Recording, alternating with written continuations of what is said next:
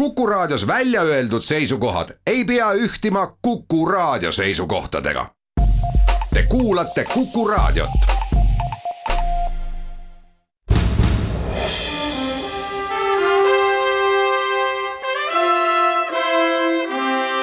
vahetund Postimehega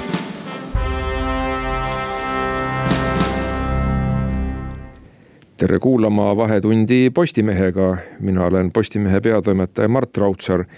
räägime täna kolmel teemal, kuigi alateemasid kindlasti on rohkemgi. räägime Eesti polaarretkedest, räägime vaktsiinist, kas seda kõigile võiks jätkuda ja räägime ka noortelehest, mille uus number on tänase värske Postimehe vahel. kuid alustame siis Arktika ja Antarktika teemadel ja vastava nii Arktika kui Antarktika projektijuht Tiit Pruuli on siin meiega koos stuudios, tere. tere päevast.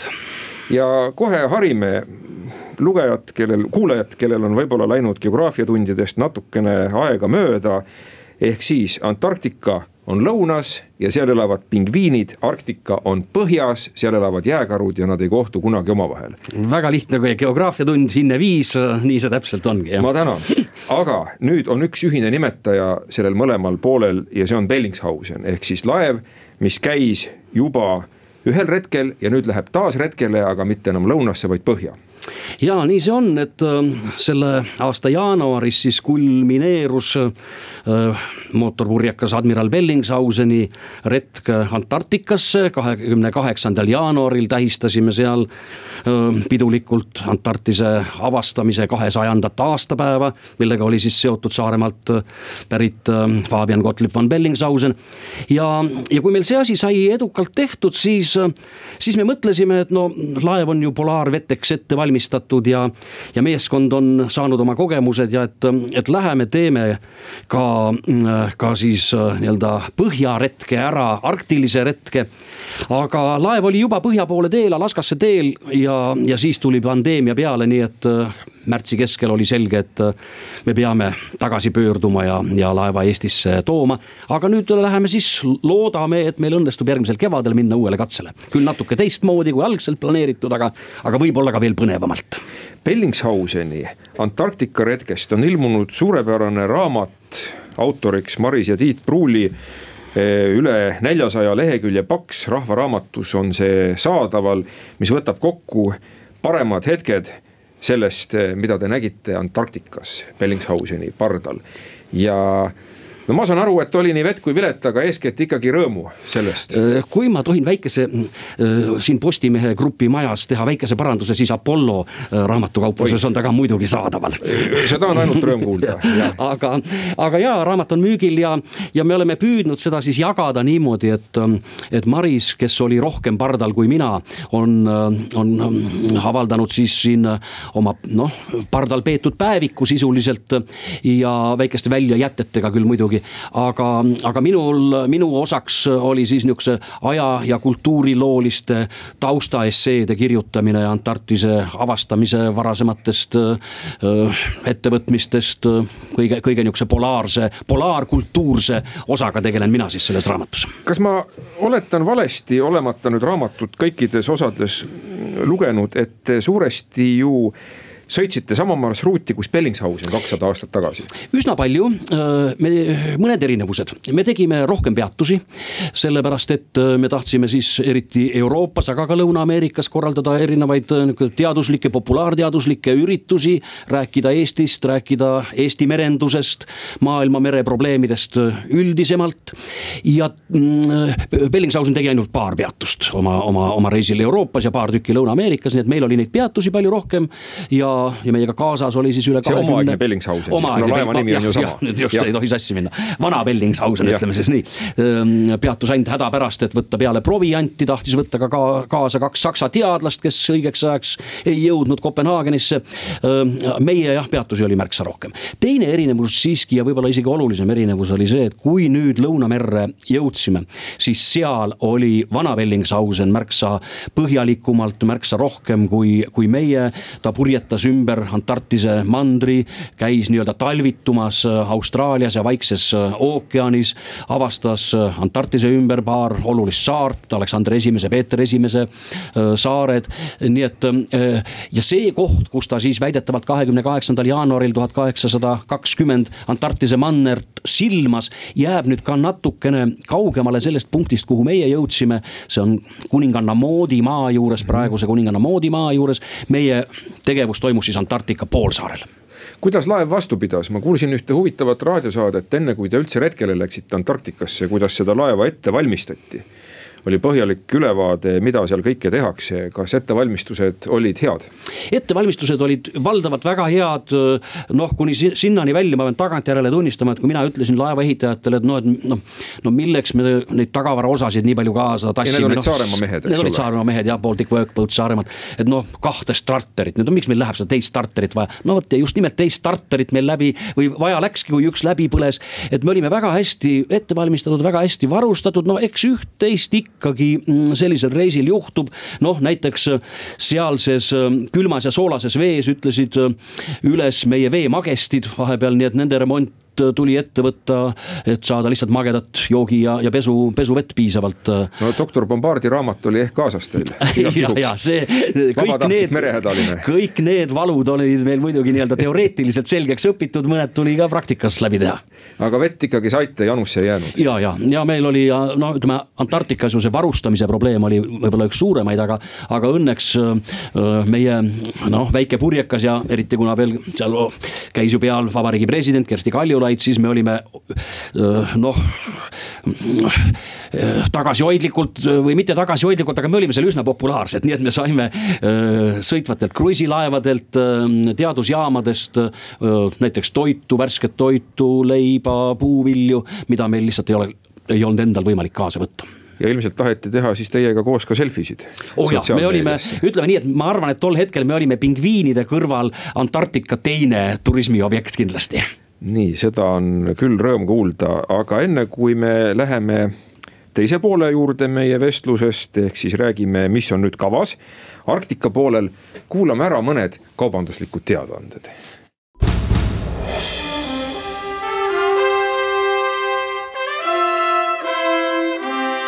vahetund Postimehega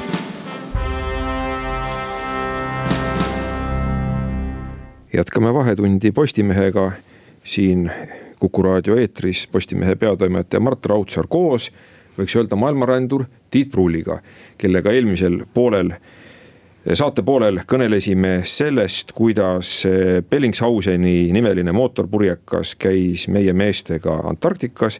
ja nüüd räägime, kuidas ta kavatseb minna Arktikasse, põhja. ja ma saan aru, et ja ütleme ka selle välja kuulajatele, et tegemist on Eh, projektiga, kus Postimees teeb koostööd meediapartnerina, nii et kõiki neid seiklusi me tahame nii pildis, helis kui sõnas eh, meie auditooriumini tuua. aga mulle tundub, et te ühte väikest rekordit ka üritate seal siis saavutada läbimise osas, milliseid väilu te seal tahate kõik läbida? ja vastab tõele, no mitte nüüd me enam nii-öelda päris, päris maailmarekordit ei tee, aga tahame auväärsele kolmandale kohale platseeruda, kui see võimalik on. no Eesti rekord on see igal juhul. aga Eesti rekord jah, ja, seda küll vaieldamatult. ühesõnaga, me läheme teele nii, et um, maikuu teises pooles väljume Eestist uh,. sõidame Norra kaudu, peatused on plaanitud uh, Bodøs ja, ja Tromsøs äh, sõidame Norra kaudu Teravmägedele, Svalbardi, äh, kus on siis äh, plaanis sealsete teadlastega üks ühiskonverents korraldada. ja, ja päris Arktika osa läbimine algaks siis juuli alguses Murmanskist.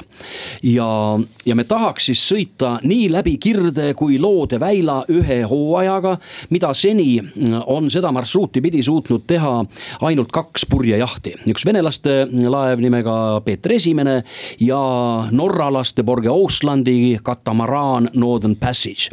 ja, ja see ongi nagu keeruline selles mõttes, et, et see aken, ajaaken on väga lühike.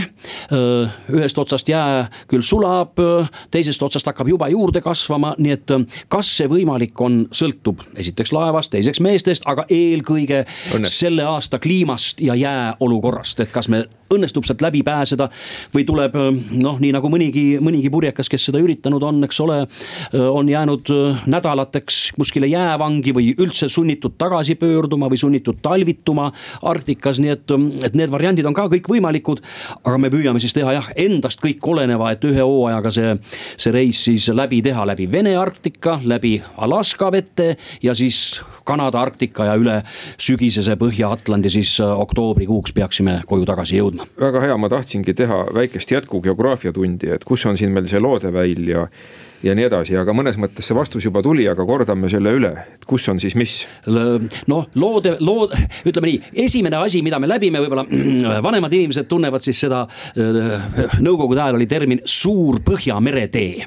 eks see on siis Murmanskist Vladivostokki tee ja, ja, ja, ja seal all nurgas siis loodeväil ja nüüd, kui me läheme edasi nii-öelda läbi Kanada, Ameerika ja Kanada vette, siis läbi Kirdeväila ja, nii et selles järjekorras te liigute, kõigepealt siis Venemaa, Venemaa osa... ja siis Kanada, Alaska, Alaska, Kanada osa. Alaska ja Kanada. ja tulete tagasi siia Gröönimaa juurde. ja tuleme tagasi Gröönimaa juurde nii-öelda välja. Äh, äh, ja siis võib-olla veel peatus Islandil, see sõltub nüüd väga ilmastikuoludest, sest äh, nii-öelda hilissügisene Põhja-Atland on väga-väga vastik. väga tormine aga mõeldes nendele eelkäijatele, kes on käinud äh, polaarretkedel avastamas sadu aastaid tagasi neid maid, tehnika on küll edasi arenenud, kuid äh, kui te peaksite jääma jäävangi, tuleb meelde siin ju mitmeid äh, võimsaid lugusid minevikust olete te mõelnud selle peale? ja muidugi noh, nii-öelda Franklini ja mitte ainult Frankliniga kaasaegsemate sõitjate noh. Nansen, klassikaline Nansen ka, eks ole, aga veel palju kaasaegsemate sõitjate lood on meil kõik üksipulgi, üksipulgi läbi arutatud ja eks see häda on muidugi seal tõesti see, et. et ega see abi ei ole väga lähedal, kui teda, kui teda üldse on, nii et me peame ikkagi olema väga autonoomsed ja valmis, valmis ise siis hakkama, hakkama saama ja selleks laeva ka praegu jälle Saaremaal Baltic Workboatsi äh, hangaarides äh, nii-öelda va va valmis sätitakse veel, et, et me tõesti oleks äh, tehnika poolest, varustuse poolest võimalikult autonoomsed ja, ja, ja kaasaegsed. mida seal laevaga tehakse? Me võtame noh, eks ikka natukene tead mõned pelid, mõned vintsid ja asjad on siin reisil nii-öelda kulunud, kannatada saanud, aga kõik olulised osad kontrollitakse siis praegu, praegu üle. noh, mis meil väga tähtis on veel nii-öelda mitte ainult mugavuse, aga, aga sõna otseses mõttes ellujäämise mõttes on kõik küttesüsteemid, kõik sellised navigatsioonisüsteemid, sidesüsteemid, nii et, et need käiakse kõik, kõik uuesti, uuesti üle. Kas teie laeval on selline võimekus, et kui ta peaks jääma jäävangi, siis jää ei suru teda mitte puruks, vaid ta jääb niimoodi jääpinnale. ja no see on siis Nanseni Fram ehk Colin Archeri loodud või juba tegelikult pomooride, Valge mere ääres elanud ja. pomooride laevaehitustehnika, eks ole, mis oli siukse munaja või ümarama põhjaga. meil jah, seda, seda eelist ei ole, meil on küll teraskerega laev, aga, aga kui jää teda ikka surub, siis ta, siis ta teda surub. selge, selge, nii et selles mõttes tuleb olla ettevaatlik, aga nüüd, kas te võtate ka kaasa neid saksa teadlasi Taanist viidates Bellingshausenile kakssada aastat tagasi. Äh, saksa teadlasi ei võta, Eesti teadlasi küll.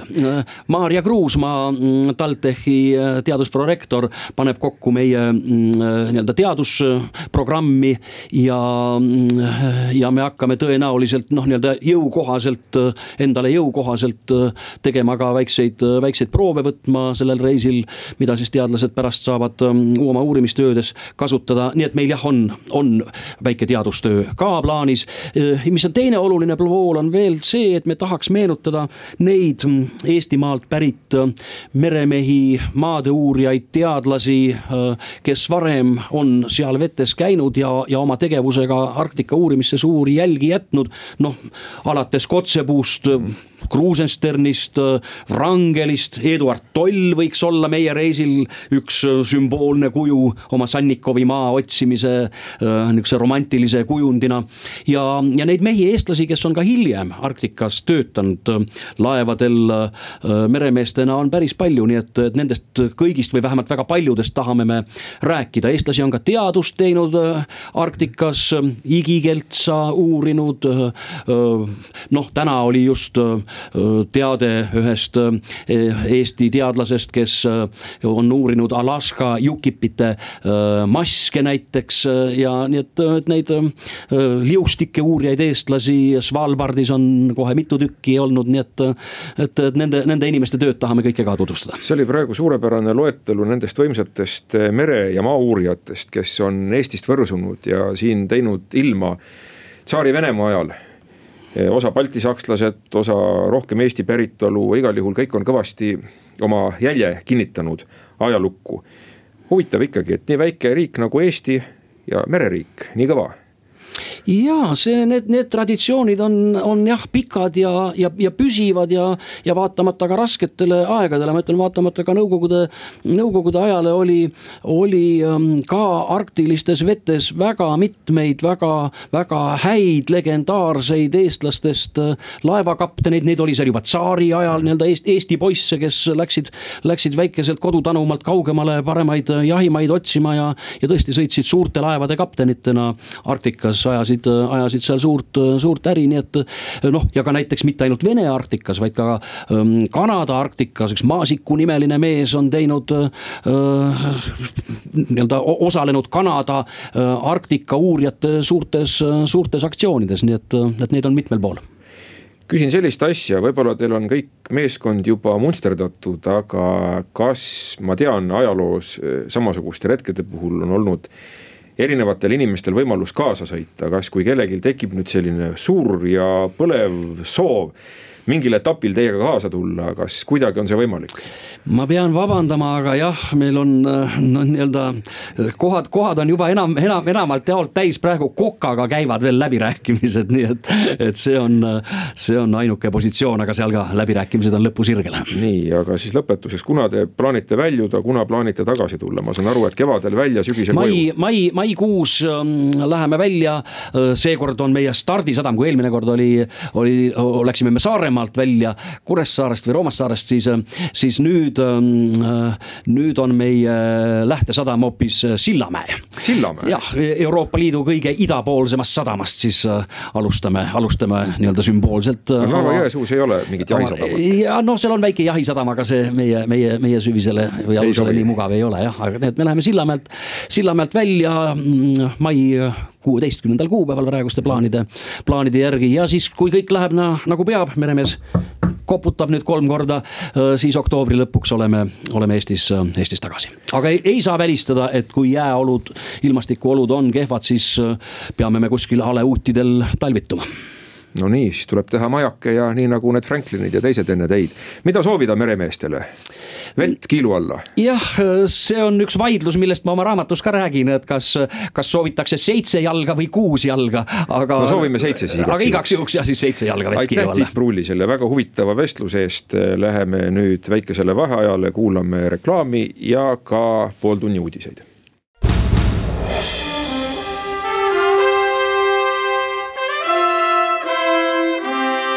vahetund Postimehega.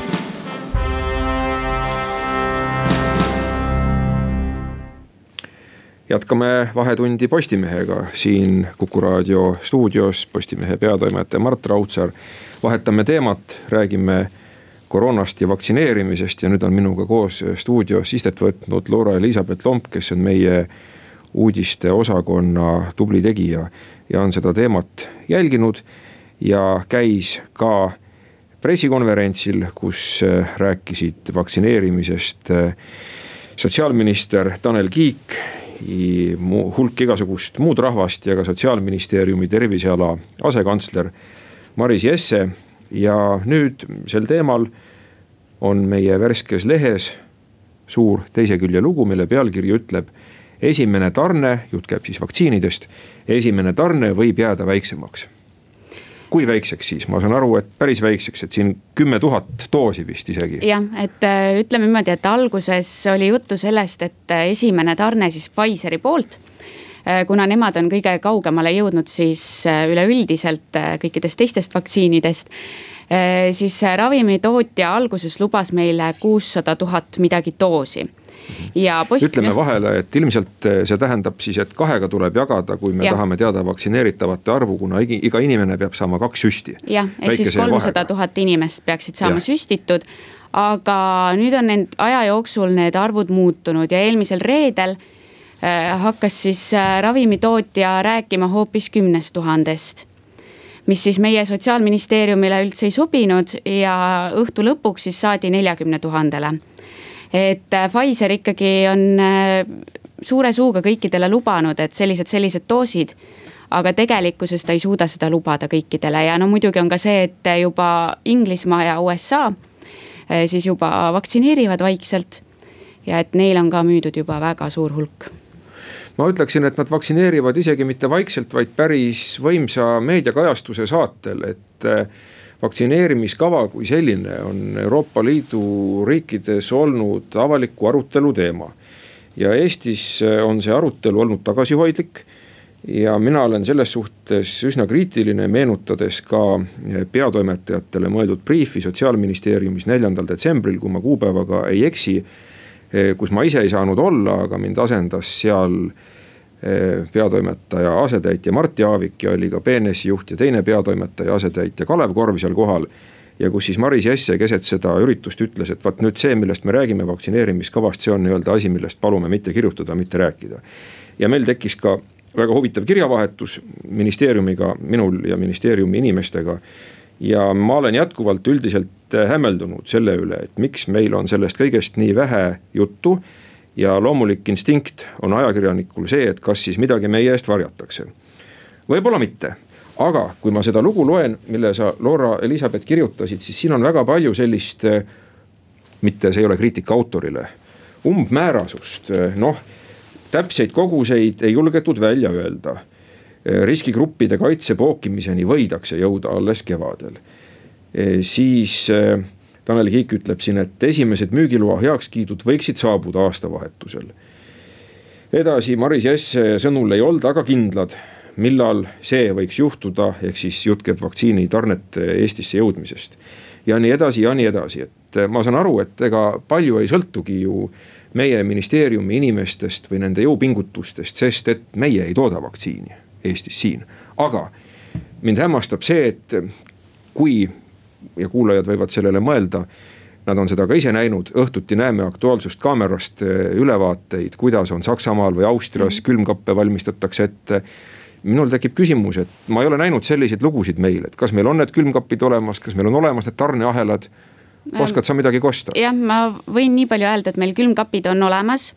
Aga hetkel ei ole siis ütleme niimoodi, et külmkapid võeti, aga praegust käib veel hinna tingimine, ehk siis äh, see on, äh, üritatakse nii kiiresti kui võimalik. on nad reaalselt Eestis olemas? jah, Eestis on olemas terviseameti kesklaos, siis ehitatakse need praegust üles, et siis juba ütleme, kahekümne neljandaks oleksid nad äh, valmis vaktsiini sisse võtma. sest no muidu juhtub nagu aga... hävitajatega Spitfire enne teist maailmasõda, Eesti tellis Suurbritannia käest hävitajaid, raha isegi osaliselt maksti ära, aga hävitajaid ei jätu ehm, aga selle ütleme umbmäärasuse kohta ma, mu, mu endal, mulle endale tundub ka, et tegelikult võiks olla, võiksid olla ministeeriumist inimesed ikkagi vägagi konkreetsed, et mm -hmm. Jesse oli. ütleme enam-vähem konkreetne, Tanel Kiik natuke liiga suure ringiga ikkagi kõndis ringi, et noh, ütleme niimoodi, et kui me ei tea, kui suur see doos on ja et tõesti on nagu mitmesajakordselt need ikkagi muutunud, siis tuleks öelda ka, et kuulge, et praegust ravimitootja on kõikidele lubanud ja nüüd on nii. või et Euroopa Liit ei ole veel suutnud ära rääkida ja tuleb välja, et äh, Euroopa Liiduga paralleelselt käisid Inglismaa ja USA-ga jutuajamised ja nemad said ennem ja meie oleme nüüd aeglasemaks jäänud ja nüüd on nii, et meie saame siin nelikümmend tuhat. ja siis võiks sealt edasi ikkagi tulla, et kes on need inimesed, kes saavad siis vaktsiini kätte no muidugi, vaktsineerimiskavast tahaks ja. midagi kuulda, et kes need on? Äh, praegust on siis niimoodi, et ennem saavad siis haiglatöötajad, kui meil tuleb väiksem doos, siis saavad need inimesed, äh, need töötajad, kes siis äh, infektsiooniga kõige rohkem kokku puutuvad. ütleme, on siis riskipiirkonnas järgmised kõik doosid. kui kähku see mõjuma hakkab, see vaktsiin? Ta ei pidanud vist kohe niimoodi mõjuma Ma hakkama, et kuna keegi väga ei tea palju, siis öeldi, et tead.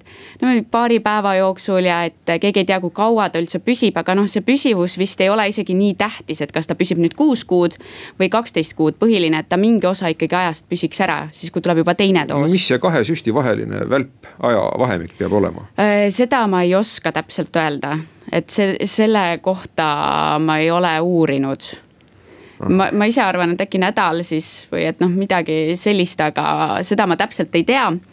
Ähm, siis, kui on äh, kõik meie äh, töötajad, arstid siis ära vaktsineeritud, siis läheb edasi perearstidele perearstid saavad äh, ennast ära vaktsineerida ja siis äh, hooldekodu töötajad ja hooldekodu elanikud ja samal ajal veel äh, perearstid siis riskirühmasid kutsuvad mm. -hmm. ja riskirühmade kutsumine toimub siis läbi haigekassa, et põhimõtteliselt haigekassa saadab igale perearstikeskusele nimekirja, kus on siis nimed sees, kes kuuluvad millisesse riskirühma.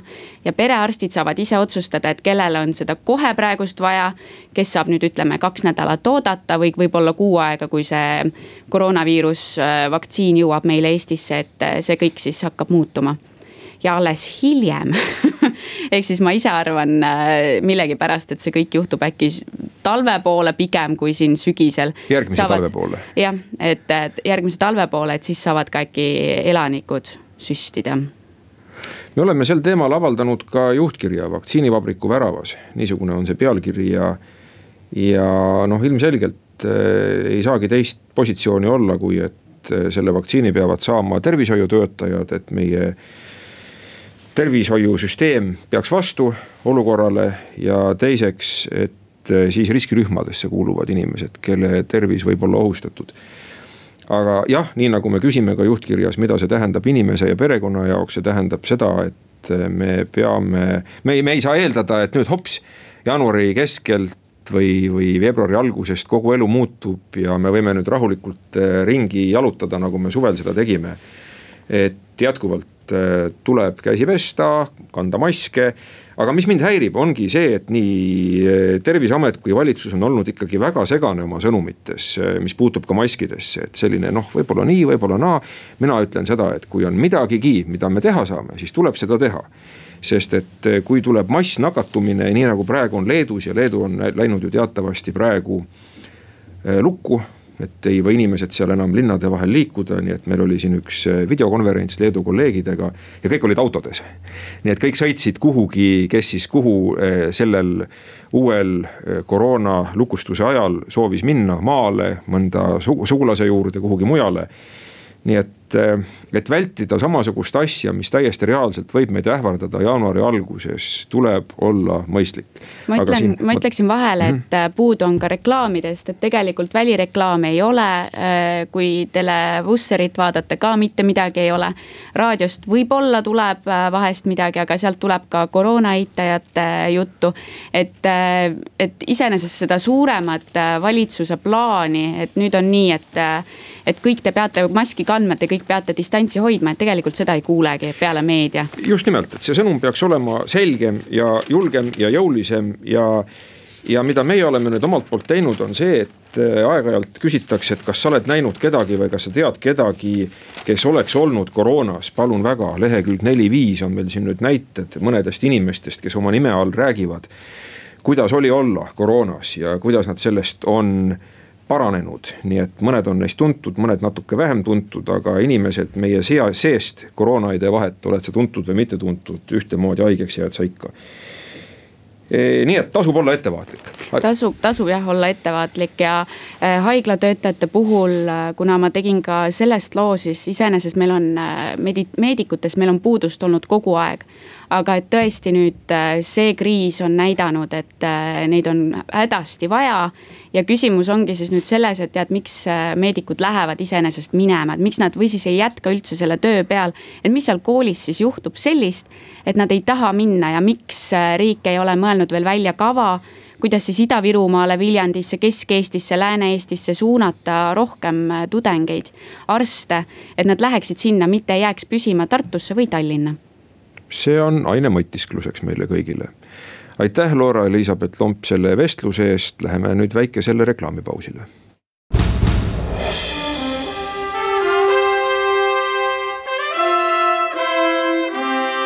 vahetund Postimehega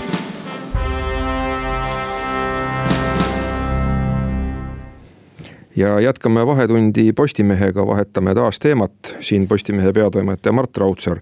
räägime nüüd eh, iga kuu ükskord Postimehe vahel ilmuvast noortelehest Neljaleht.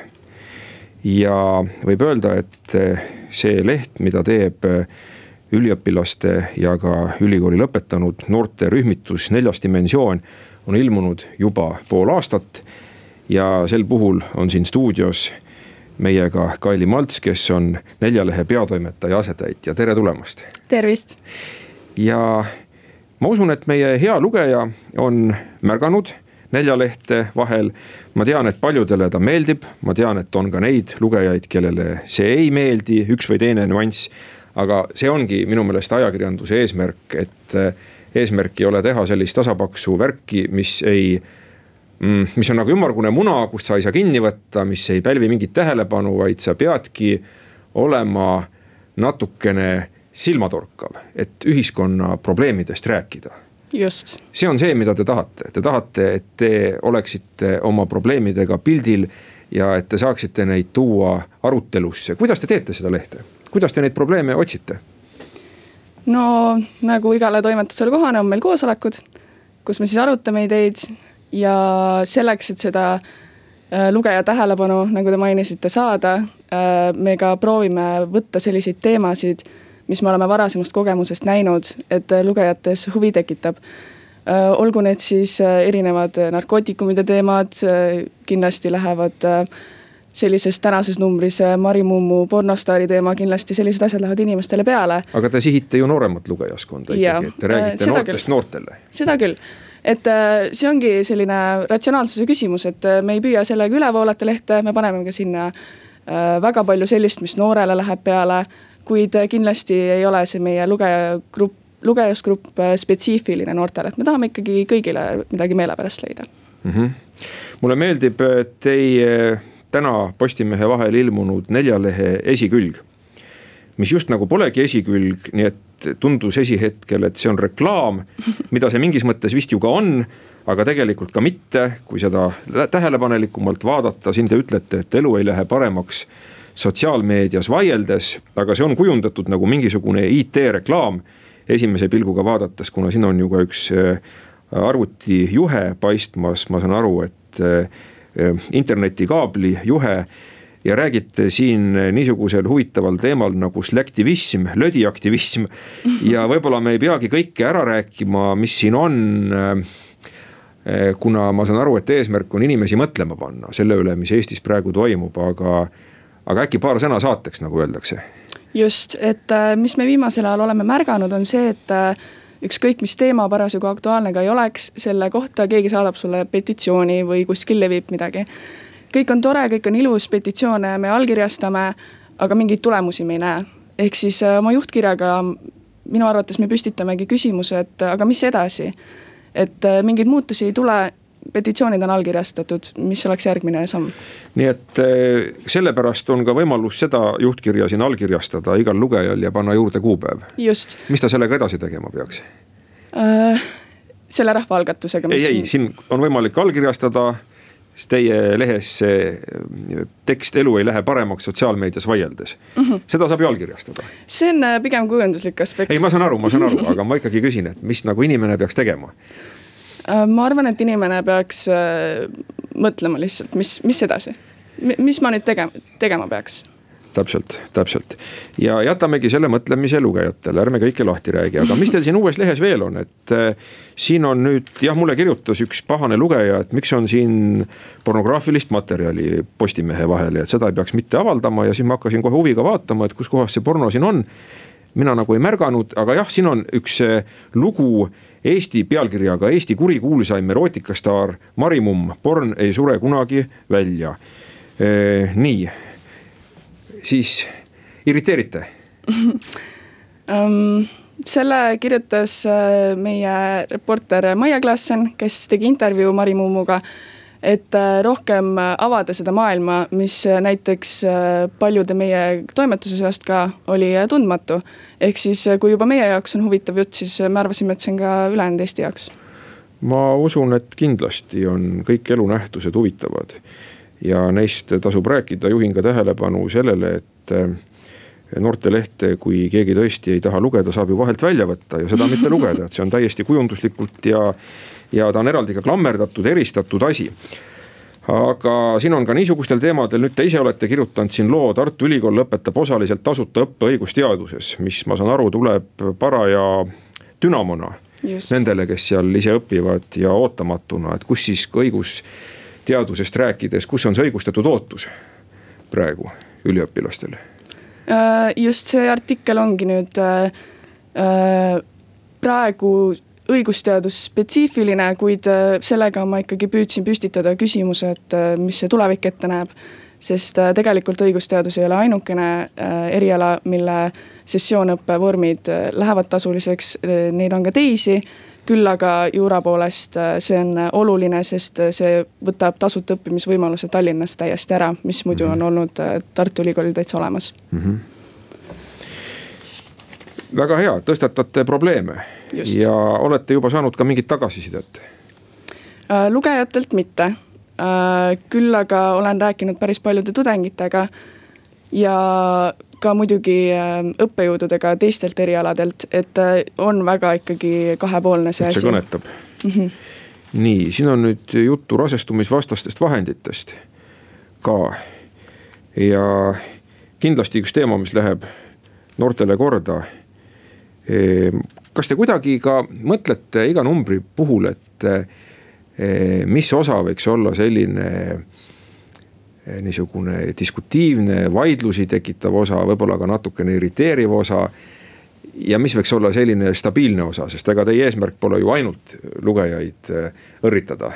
või noh, rääk-, see ei pea olema õrritamine, rääkida niisugustel teemadel, mis on noorte jaoks olulised mm ja et äh, see, et me paneme selliseid äh, diskuteerima panevaid lugusid, on äh, eesmärk inimesi lugema saada ja kui sa juba selle lehe kätte võtad, siis sa loed ka neid lugusid, mis võib-olla on sellised pehmemad ja ei pane sind hullult vihastama. ehk siis me püüame jah, mitmekesiselt hoida seda lehte. Aga eeskätt ikkagi te ei tee asja asja pärast, vaid ikka mingi probleem on, millega te noh, nüüd küsimus on vaatevinklis, aga millega te tegelete, millega te kokku puutute, Eleme on Life'i artikkel, mis räägib eh, Põlva lähedal tegutsenud ööklubist, mida ma ise väga hästi mäletan, olles sealt palju mööda sõitnud, Life. mis on temast nüüd saanud, ei hakka lahti seletama, lugeja võib seda ise näha. ja on siin teatrist veel juttu, on siin juttu demokraatiast, vabadustest ja siin on veel igasugust huvitavat lugemist ja lõpus tsitaadid, ma saan aru, vist mõnedelt lugejatelt. erinevad tsitaadid, kus ma ütleks, Vox Populi on ka väga vaheldusrikas. nii, viimane küsimus, kuidas edasi äh,? ikka kiiremini, kõrgemale, kaugemale muidugi. juurdekasvu ikka tuleb selles mõttes, et osa ju noortest, kuidas öelda siis, vananevad natuke juurdekasvu tuleb võib-olla sel aastal natuke kehvemini kui tavaliselt tuleks, sest ikkagi ülikoolis äh, pooled ained ei ole koolis kohapeal ja kõik see, et äh, võrreldes eelmise aastaga on kindlasti raskem, kuid me püüame ikkagi seda nooremat põlve saada peale. aitäh, noortelehe Neljaleht tegija, peatoimetaja asetäitja Kaili Malts selle vestluse eest, ma soovin teile jõudu ja jaksu oma tegemistes selline oli tänane Vahetund Postimehega, mina Postimehe peatoimetaja Mart Raudsaar. soovin teile, head kuulajad, kõike paremat ja jääge terveks